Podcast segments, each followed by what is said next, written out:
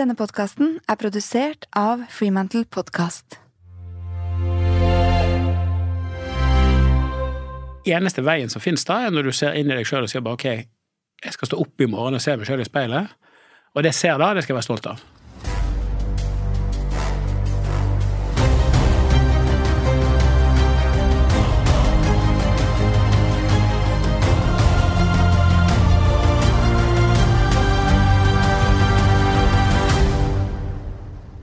Mitt navn er Cecilie Ystnes Myhre, og jeg jobber som mentaltrener og lederutvikler.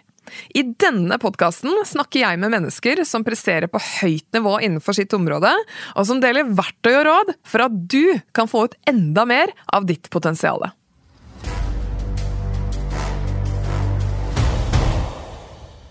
Hei, kjære lytter, og velkommen til en ny sesong av Grit. Denne sesongen venter oss også veldig mange fine og spennende gjester med gode historier og eksempler på hvordan man kan utvikle grit. Og for deg som er kanskje litt ny inn i grit-landskapet, eller ønsker en repetisjon Grit er jo da denne lidenskapen og utholdenheten for å nå sine langsiktige mål. Og en måte å tenke på grit er å også da tenke på hva grit ikke er. Fordi grit er ikke talent, grit er ikke flaks, grit er ikke hvor intenst du vil i øyeblikket ha noe. I stedet så handler grit om å ha det da som noen forskere kaller for nesten et sånt ultimate concern, eller som et mål du bryr deg så mye om at det faktisk organiserer og gir mening til nesten alt du gjør. Og grit-egenskapen, den holder deg nesten sånn committed og dedikert til det målet, selv om du feiler, selv når fremgangen mot målet stopper opp, eller du kjenner at uh, medgangen bremser seg. Så talent og flaks betyr selvfølgelig noe for suksess, men talent og flaks er ingen garanti for å ha grit, og i det lange løpet så mener jo også grunnleggeren av grit-begrepet, Adja Duckworth, at grit kan bety minst like mye som talent og flaks, om ikke mer. I dag skal vi møte en leder som har tydelige meninger om sin lederrolle, og som er ganske så målbevisst og ambisiøs. Vi skal møte Lasse Christoffersen, CEO og president i Valenius Wilhelmsen.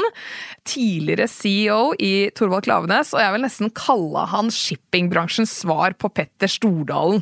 En rockestjerne av en leder som ikke er redd for å kalle en spade for en spade, men også har masse omsorg og empati i lederstilen sin.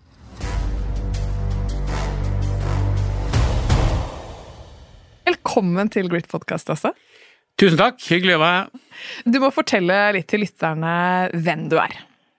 Ja, Lasse Kristoffersen heter jeg. 50 år gammel mann eh, som eh, sleit veldig med å pushe 50, men det gikk greit. Født og oppvokst på Aske utenfor Bergen. eh, Studerte i Trondheim, kom til Oslo og har bodd her stort sett siden. Jobbet mest innenfor maritim, shipping, logistikk-type virksomhet. Eh, Gift, har tre barn, er veldig stolt av og glad i. Og prøver så godt jeg kan å balansere forskjellige ting i livet. Ja. I introduksjonen til samtalen i dag så sier jeg at uh, lytterne kan glede seg, fordi at du er en leder som er ambisiøs på både dine egne og andres vegne, opplever jeg. Mm. Og du har en ganske klar og tydelig lederfilosofi. Ja, det er jo, det var, jeg får si takk for den, den introen, da. Men jeg har sett deg litt i action, så kan ikke du fortelle litt om hva er god ledelse for deg, og hvordan er det du fyller den rollen? Oi.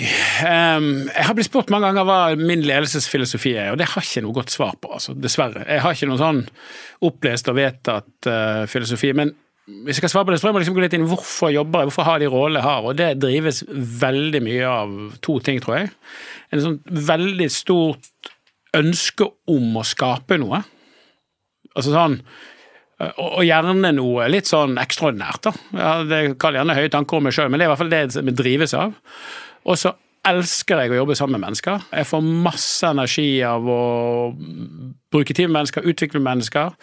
Jeg, jeg sa da jeg fikk den siste jobben min da, at jeg trenger bare to ting. Jeg trenger skikkelig høye ambisjoner og stor frihet til å navigere. Um, det lovde jeg de jeg skulle få. Så um, utover det så um, er jeg nok en ganske sånn uformell leder, i den forstand at jeg er veldig lite opptatt av hierarki. Jeg har veldig lite tro på det. Er veldig opptatt av åpenhet, veldig opptatt av å bryte ned siloer. veldig opptatt av å utfordre eksisterende tenking. Jeg tror på en måte vi henger alle sammen for fast i, i tankebaner som er blitt lært oss. Og sånn har det alltid vært her, på en måte. Så jeg, jeg liker vel på en måte å se på meg sjøl som en utfordrer, da. Mm.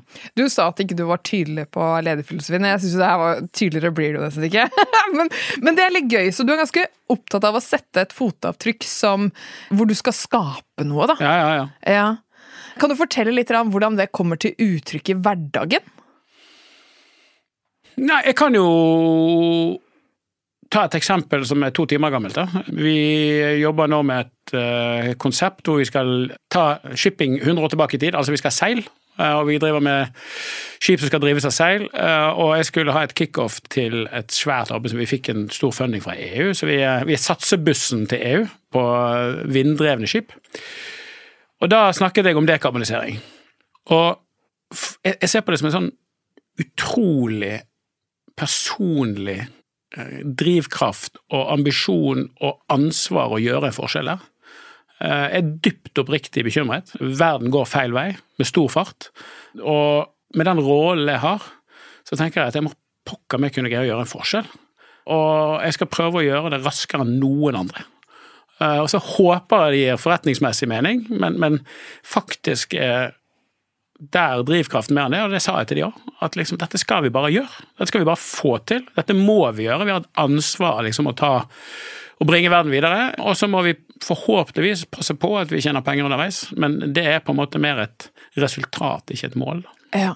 Men du, denne driven på å skape, har den alltid vært der, liksom kommet uh, i ditt voksenliv, eller, eller er det dine foreldre Oi, som har påvirket deg? Nei, ja, mine foreldre eh, har selvfølgelig påvirket meg. Mest av alt i den forstand at de har gitt meg en fantastisk trygg og varm oppvekst. Jeg ser jo i ettertid at jeg jeg har bare blitt påfylt med masse kjærlighet, men også masse grenser. Så jeg liksom skjønt litt hva spillereglene er rundt meg.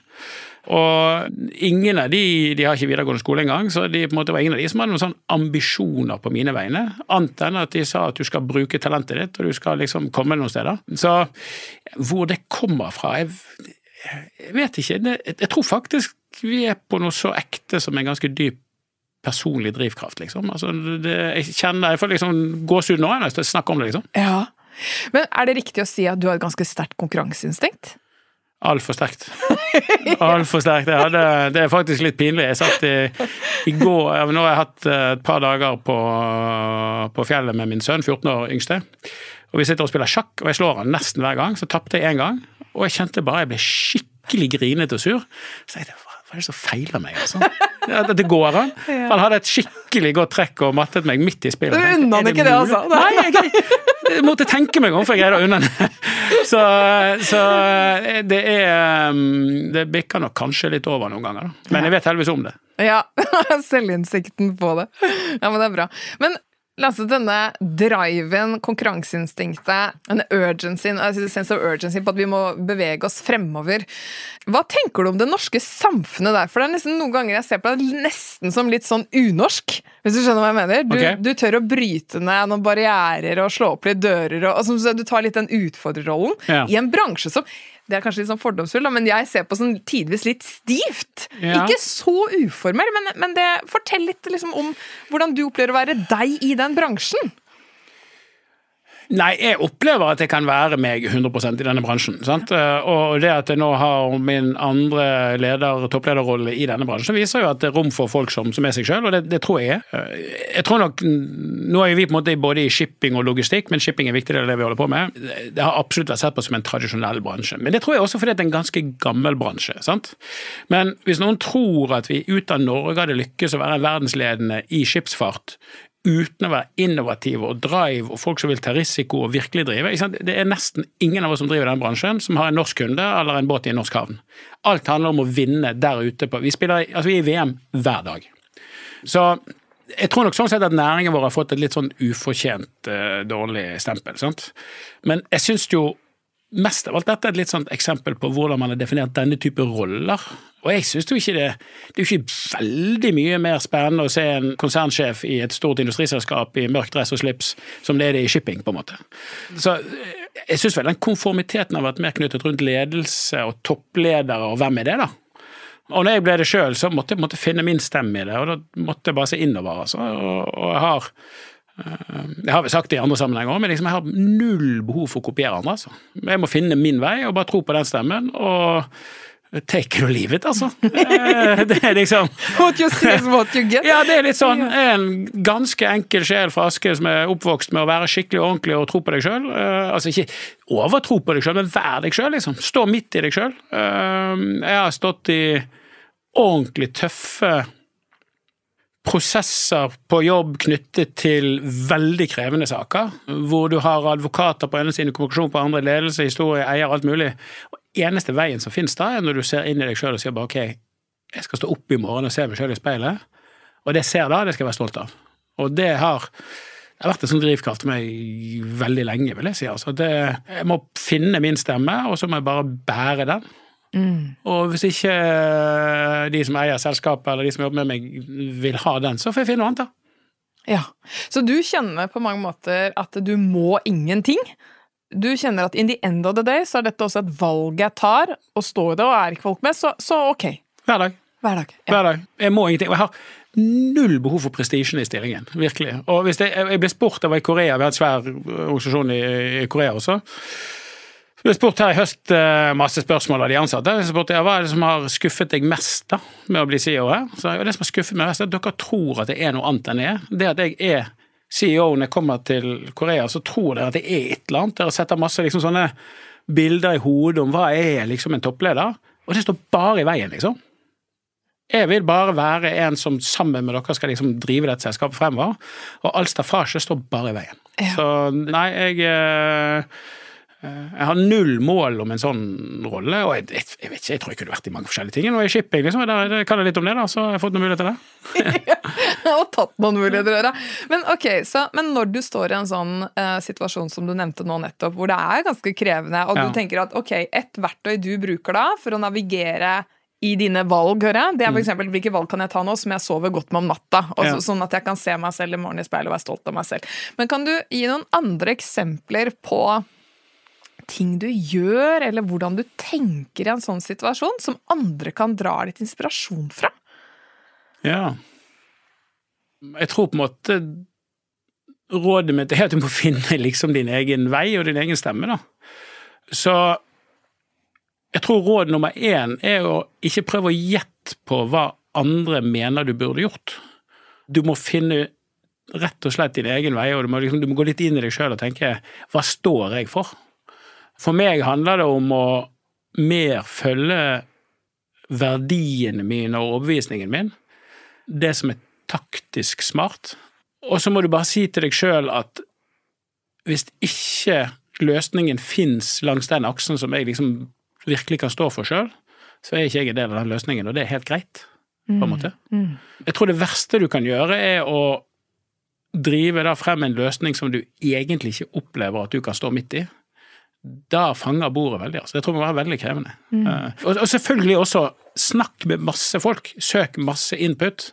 Men ikke for at de skal fortelle deg hva du skal gjøre i sånne veldig krevende valg. Da må du gå helt inn i deg sjøl og si hvor kan dette verdier, altså. Og din egen personlig overbevisning.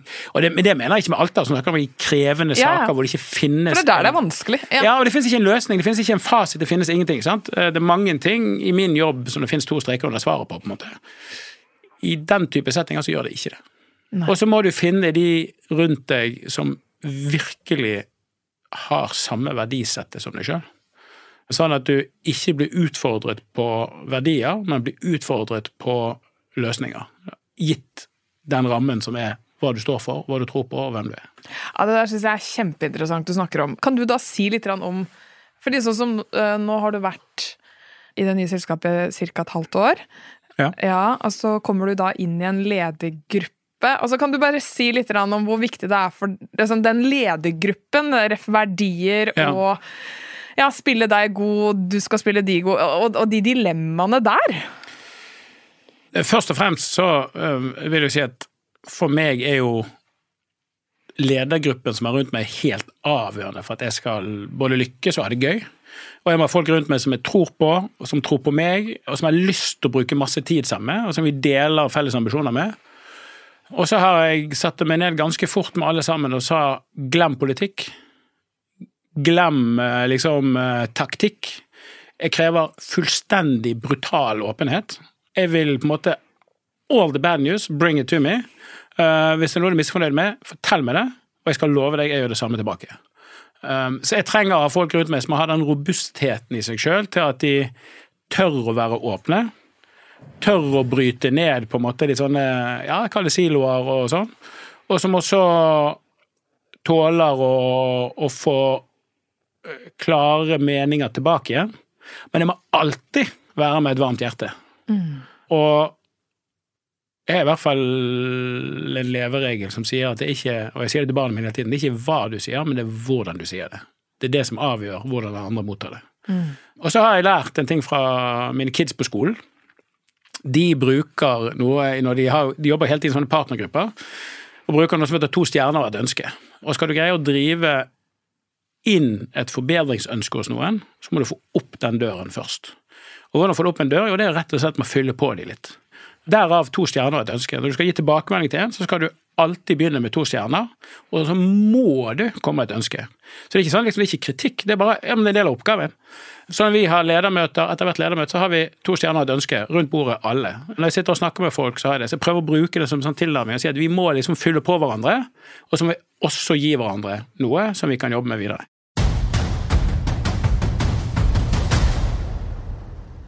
De siste årene så har interessen for investering nærmest skutt i været, og min annonsør Dagens Næringsliv har en tjeneste som heter Investor, hvor du finner alt du trenger for å gjøre gode investeringer. Og du, du trenger overhodet ikke være proff for å leke deg rundt på DN Investor. Tjenesten er for alle som investerer selv eller bare følger med på markedet. Så du kan altså lære deg alt fra hvordan du kjøper aksjer, til hvordan du lager din egen investeringsstrategi. Også hvis det er fond. Med DN Investor får du de viktigste tallene og journalistikk om markedet samla på kun ett sted. Så du kan enkelt følge med på og forstå utviklinga. Og det som er fint, er at etter hvert som du lærer deg dette her, så kan du tilpasse tjenestene etter dine behov. For eksempel sette opp egne favoritter som du har lyst til å følge med på. Og hvis det da er et selskap du er spesielt interessert i, så kan du få varsel hver gang det skjer noe med det selskapet. DN Investor er åpen for alle, men er du DN-abonnent, så får du også tilgang til kurser i sanntid, børskommentarer og analyser. Så er du opptatt av investering eller bare nysgjerrig, sjekk ut DN Investor på dn.no slash investor.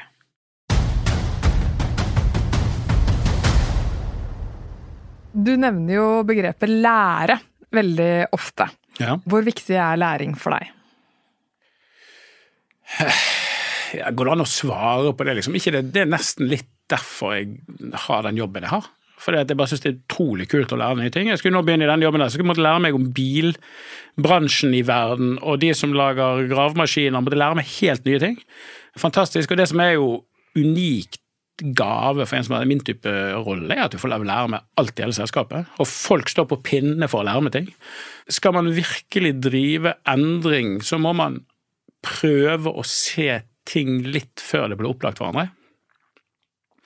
Så jeg husker veldig godt uh, i begynnelsen av liksom, når vi har fått satt i min, min gamle lederrolle og fått satt liksom, ja, ryddet litt i porteføljen og litt sånn, og skulle begynne liksom, å sette ny strategi.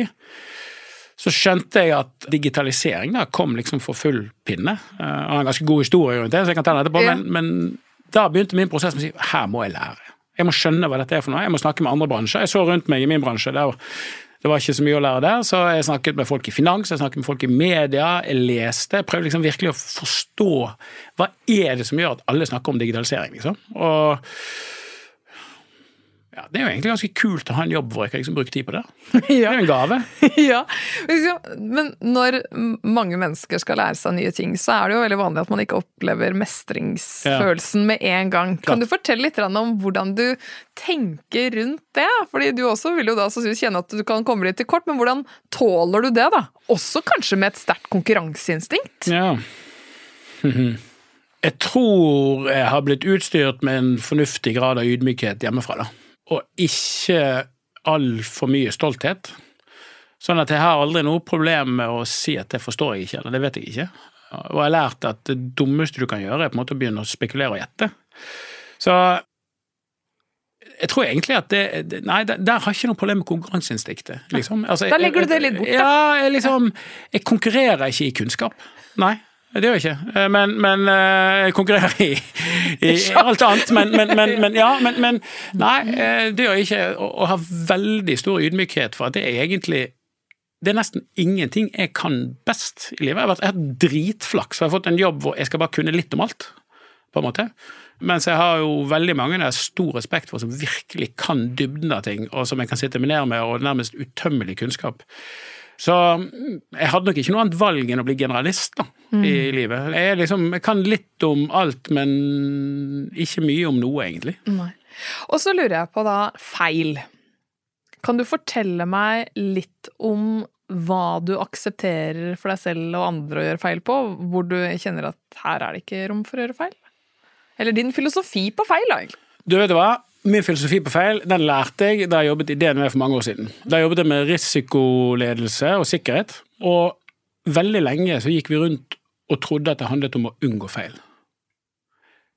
Alle mennesker gjør feil hele tiden. Og Det som gjorde skikkelig inntrykk på meg, var at man hadde målt flypiloter, um, og de gjorde altså fem feil i timen. Så det handler ikke om å få folk til å unngå å gjøre feil, men det handler om å skape systemer rundt som gjør at de blir oppdaget, blir fanget og blir håndtert uten at det blir et problem.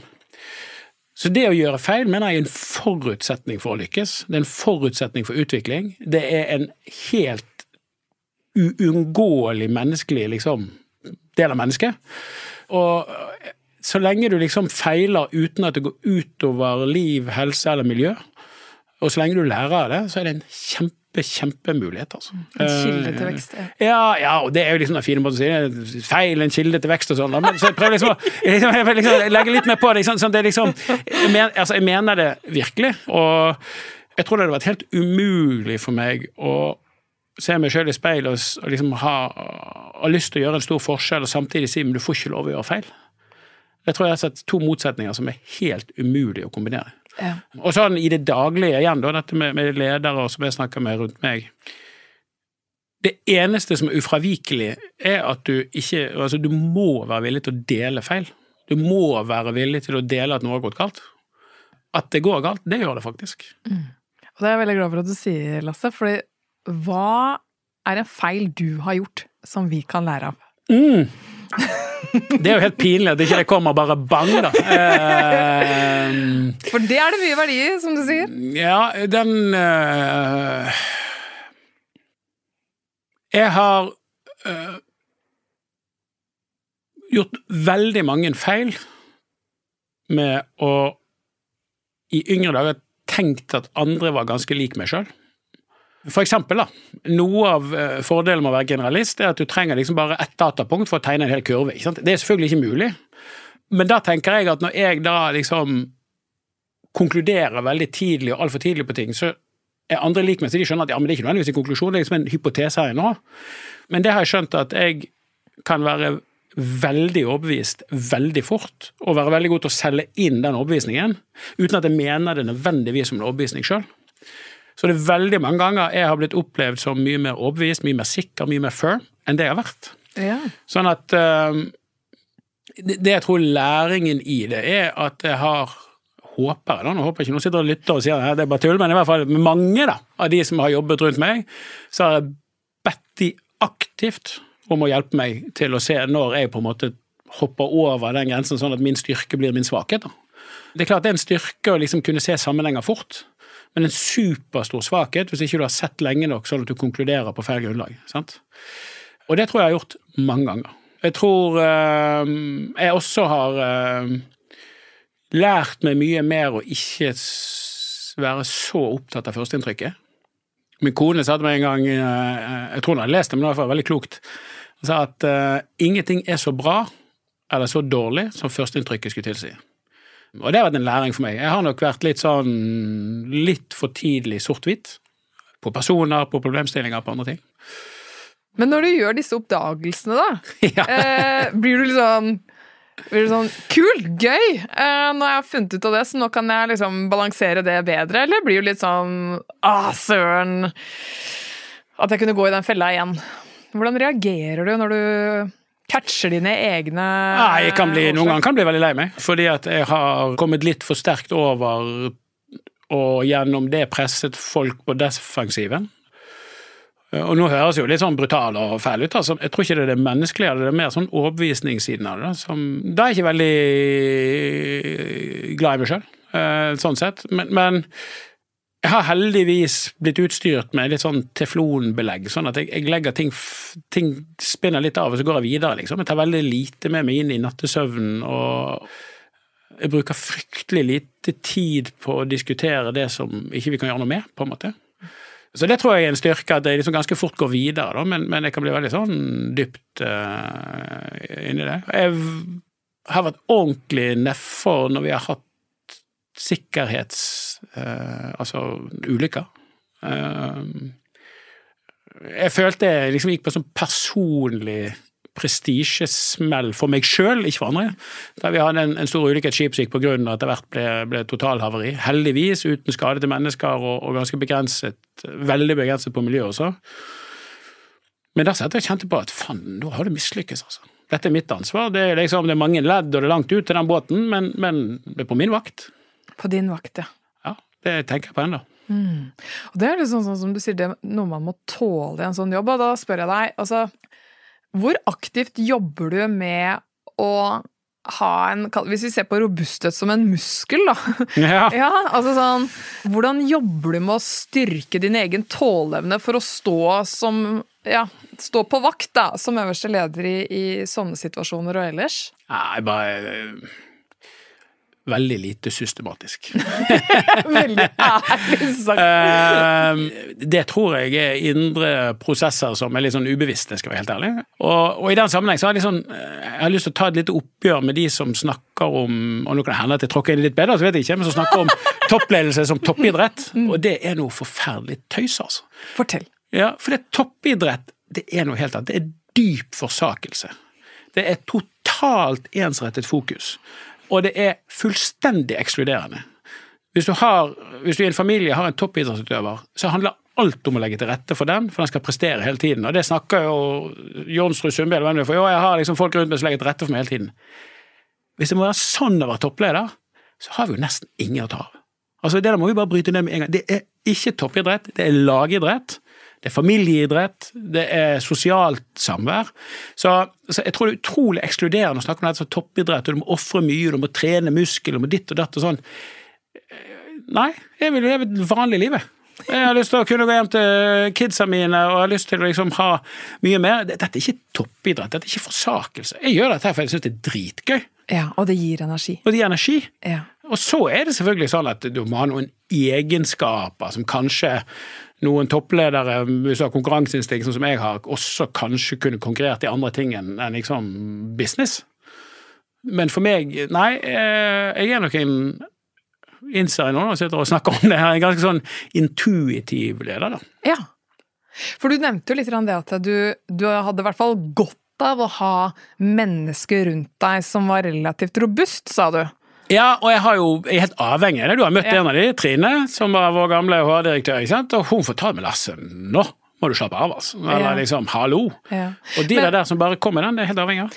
Men er du enig i at det er ikke nødvendigvis noe du alltid er født med? Det er noe som også kan utvikles? Men det er jeg helt enig i, og, og, jeg mener på ingen måte at det ikke kan utvikles. Sant? Og jeg bare sier at jeg har ikke hatt noen sånn systematisk tilnærming til hvordan utvikle det, men jeg har lært meg mye mer opp gjennom tiden hvor utrolig verdifull den type feedback er. Ja. Men da kan man jo kanskje også si at det å få feedback, lære av feil, spare ja. på ja. det, er et viktig virkemiddel i forhold til å eh, bli mer robust, da. Ja, og det er litt det der med den stoltheten. Sant? Jeg greier å bryte ned den stoltheten og si at jeg ikke skal prestere. Ja, altså Hvis du snakker om, om, om trening, jo det tror jeg jeg aktivt har prøvd å trene. For jeg har en ganske sånn høy grad av liksom stolthet i den forstand liksom, virkelig liksom står for noe. Og sånn, ikke sant? Og noen ganger kan det være ganske tøft å få en sånn der uh, skikkelig klessing tilbake. liksom, At nå har du faktisk ikke gjort det du står for sjøl. Og, og det gjør jeg jo feil hele tiden. Så det har jeg nok blitt mye mer bevisst på og håper jeg er flinkere til liksom å, å aktivt lytte ut det. da. Og når jeg sier aktivt lytte ut, så er det bevisst. Det kommer liksom ikke av seg sjøl. Du må liksom sette opp den døren og stå og vinke litt for at folk skal liksom komme inn. da. Hvordan gjør du det? Aktivt vinke inn? For det tenker jeg mange nye ledere, eller alle som skal på en måte, skape en god relasjon til de rundt seg, da, kan se på som en viktig ting.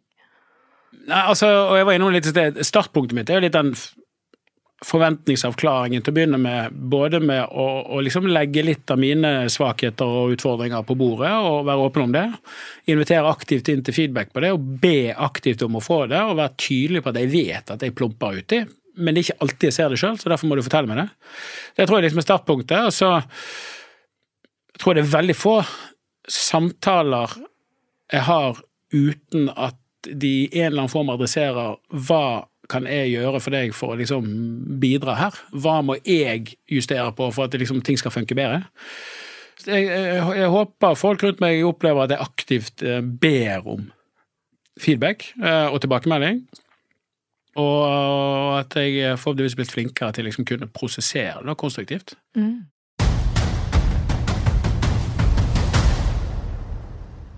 Min annonsør er TrippelTex, og TrippelTex er et av Norges mest fleksible regnskapsprogram, vil jeg påstå. For jeg har jo da drevet et selskap med alt fra null ansatte til syv ansatte til 20 ansatte, og det å ha et regnskapsprogram som kan følge deg på gründerreisen i både oppskalering og nedskalering, er kjempeviktig. Og så er det jo det aspektet med at speed is a mindset, og det er kjempeviktig for deg som enten driver et enkeltmannsforetak eller et AS, at ting går effektivt, og at du sparer inn tid. Så det hjelper TrippelTex deg med. Du bruker unødvendig tid f.eks. på å punche ting flere ganger og i forskjellige systemer. Du kan koble andre systemer du bruker til TrippelTex, og så overføres informasjonen helt automatisk. Som f.eks. nettbutikken eller kassesystemet ditt. Og så kommer daglig salg og utbetalinger direkte inn i TrippelTex. Og det er ikke så stor risiko å teste TrippelTex, for det kan du gjøre ved å gå inn på trippeltex.no gratis, og da får du teste dem gratis i 14 dager. Prøv det, og se hvordan dette kan forenkle hverdagen din. Som leder så er jo du også rollemodell, og jeg liker jo veldig godt når du sier at du, jeg har egentlig bare lyst til å leve et vanlig liv, ja. følge opp unga mine, følge opp kona mi, har på å si. Ja, ja, ja, absolutt. Man må det. Men akkurat nå er hun ja, eh, viktigste. Hun skal levere doktorgraden om to uker. Ja, så det, ja. Apropos, jeg skal ikke kalle det toppidrett, men det er Det er, det er toppidrett. Det, det, det er toppidrett. Det jeg driver med, det er lek og moro. Det er toppidrettet. Ja. Men uansett. Fordi det er jo ingen tvil om at uh, veldig mange som kanskje også søker seg til ledelse eller tar på seg et større ansvar. Det kan fort bli veldig mange ting å huske på. Ansvar kan føles litt sånn overveldende. Ja. Eh, og så spiser det plutselig veldig mye av tiden hele døgnet. Om man ikke mm. jobber aktivt, så jobber man hele tiden i hodet. Ja. Kan du fortelle litt om hvordan du jobber med å skru av jobben din når ja. du kommer hjem og er til stede med Du har tre barn, har du ikke? Jo. Først av alt så som jeg sa, jeg har, jeg har nok fra DNA-en vært heldig med at jeg har eh, Jeg er ikke så veldig bekymret type. Og, og, litt sånn, Jeg greier å legge ting fra meg ganske fort og bruker veldig lite tid, tid på liksom, det jeg ikke kan få gjort noe med. Så, så, det er litt flaks. sant? Og så tror jeg på en måte Du skal gå inn på dyktighetssiden av det, altså i forhold til hvor jeg har vært bevisst sjøl. Så har jeg skjønt gjennom oppveksten til barna at hvis ikke jeg har en avtale eller er involvert fysisk i det du holder på med, så er det veldig vanskelig å prioritere. Så jeg har bestemt meg for at jeg skal være fotballtrener for alle sammen. Og jeg har vært det siden de var til min ja, og til og med hun eldste, som aldri var interessert i fotball, men det var det eneste jeg kunne om, så hun måtte begynne der for at vi skulle ha tid sammen.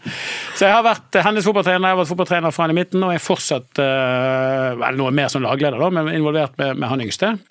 Sånn at jeg veldig bevisst har satt meg sjøl tids begrensninger og sagt mellom klokken fire og fem på tirsdag så er jeg på den treningen, og ingenting annet er viktigere. Og det står i kalenderen min, og det er prioritet nummer én. Og det har vært veldig bevisste valg, da. Og jeg har skjønt min egen svakhet med at liksom, du blir aldri ferdig med den type jobb jeg har, så du må liksom overstyre. Jeg er veldig bevisst på at eh, jeg kobler av i helgene. Følger alltid med på mail, men jeg svarer aldri. Med mindre det er noe selvfølgelig som brenner og sånn, men hvis det ikke absolutt må, så svarer jeg aldri på mail i helgen. Kanskje jeg begynner liksom søndag kveld bare liksom for å være litt i forkant mandag, men jeg prøver å unngå det òg. Og det er av to grunner. Det ene er at jeg sjøl ikke kan være i prosesseringsmodus hele tiden. liksom. Jeg kan, være, jeg kan ta imot litt sånn passivt, men å prosessere noe annet. Og det andre er at hvis jeg setter i gang prosessering, så trigger jeg det hos andre òg, og det skal jeg være veldig forsiktig med. Og det er noe av det som er liksom utfordrende med den rollen har, er at eh, fordelen er at folk hører på, hører etter når jeg sier noe. Bakdelen er at de veldig fort tenker at de må reagere fort tilbake hvis jeg kommer over. Sånn at jeg prøver å holde helgene ganske hellig. Og så eh, har jeg mine outlets. da. Jeg har veldig glad i musikk, så jeg eh, kobler veldig mye ut med det. Jeg skal på konsert i kveld med, Pik med Pixies på Rockefeller. Så, eh, og, jeg, og ikke sånn store greier. Jeg ønsker å ta på meg skinnjakken og gå ned i et mørkt lokale og høre på litt fet rock'n'roll. Da, det digger jeg, altså. Så, ja, men Jeg sa i introen også at du er, du er litt rockestjerne. Du er, du er ja, ja, ja, men, men, men, hør da, hør da. Jeg, jeg skulle gjerne vært rockestjerne, men jeg har ikke talentet. Så hadde jeg kunnet sunge og spille, så hadde jeg ikke stått her, Cecilie. Da hadde jeg forhåpentligvis stått på en scene et sted, men det har jeg ikke. Så, men det er så, din måte å koble av, og da er du ja, Da lader du. Jeg, eh, ja, og det var faktisk eh, litt sånn beskrivende, kanskje. Da jeg virkelig sleit med Greier jeg å kutte båndet til der jeg var før Klavenes, og begynne i Valenius Wilhelmsen?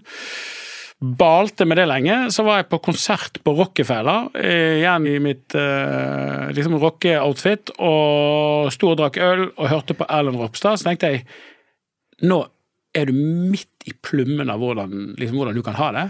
Nå skal du ta beslutningen. Det kommer ikke et bedre liksom, rammebetingelse for å ta det nå. Så du går hjem fra den konserten her, så må du ha bestemt deg. Og da har jeg bestemt meg. Og da tok du valget? Ja, jeg tenkte bare Det som var det vanskeligste, var å kutte båndet til det jeg hadde. Eh, for det var uh, Klavenes med var mye mer enn bare jobb. Det var liksom, det var litt mitt, liksom. Mm.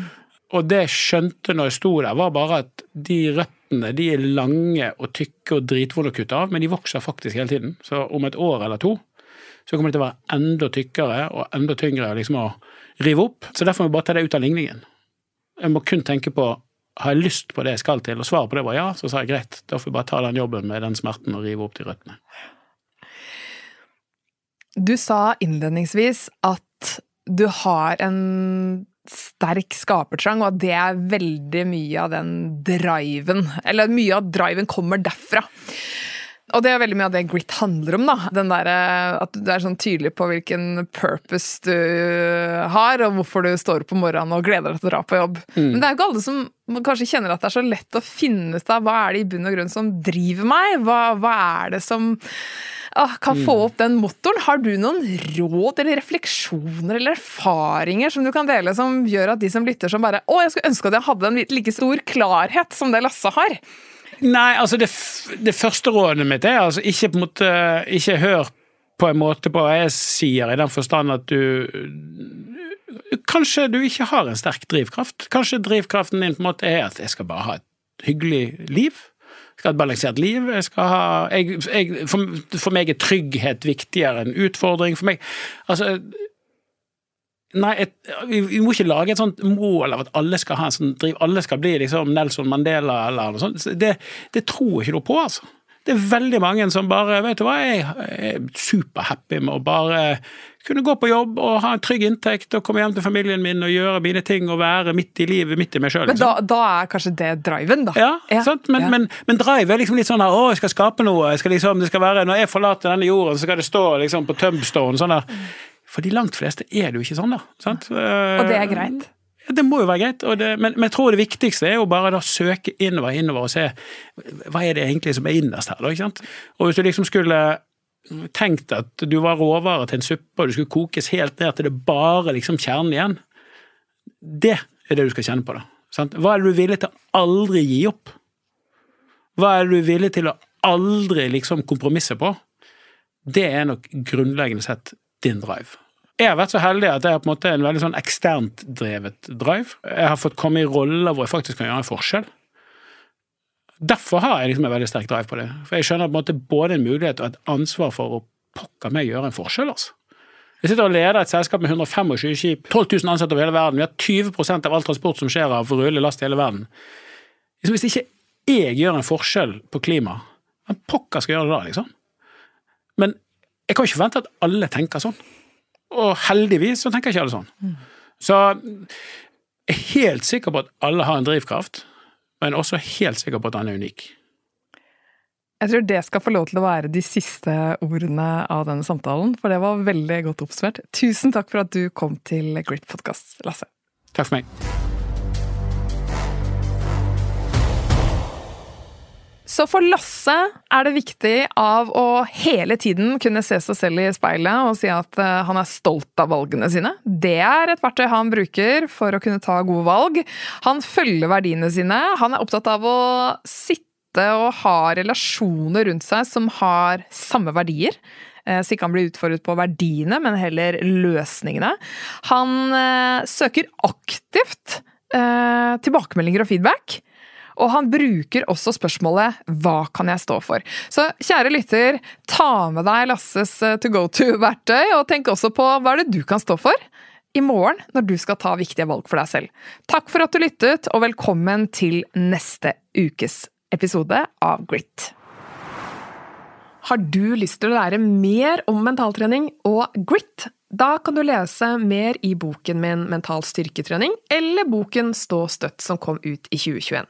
Du kan også gå inn på rawperformance.no og lese mer om hva vi tilbyr av tjenester der. Alt fra én-til-én-samtaler, kurs, foredrag og utdanning.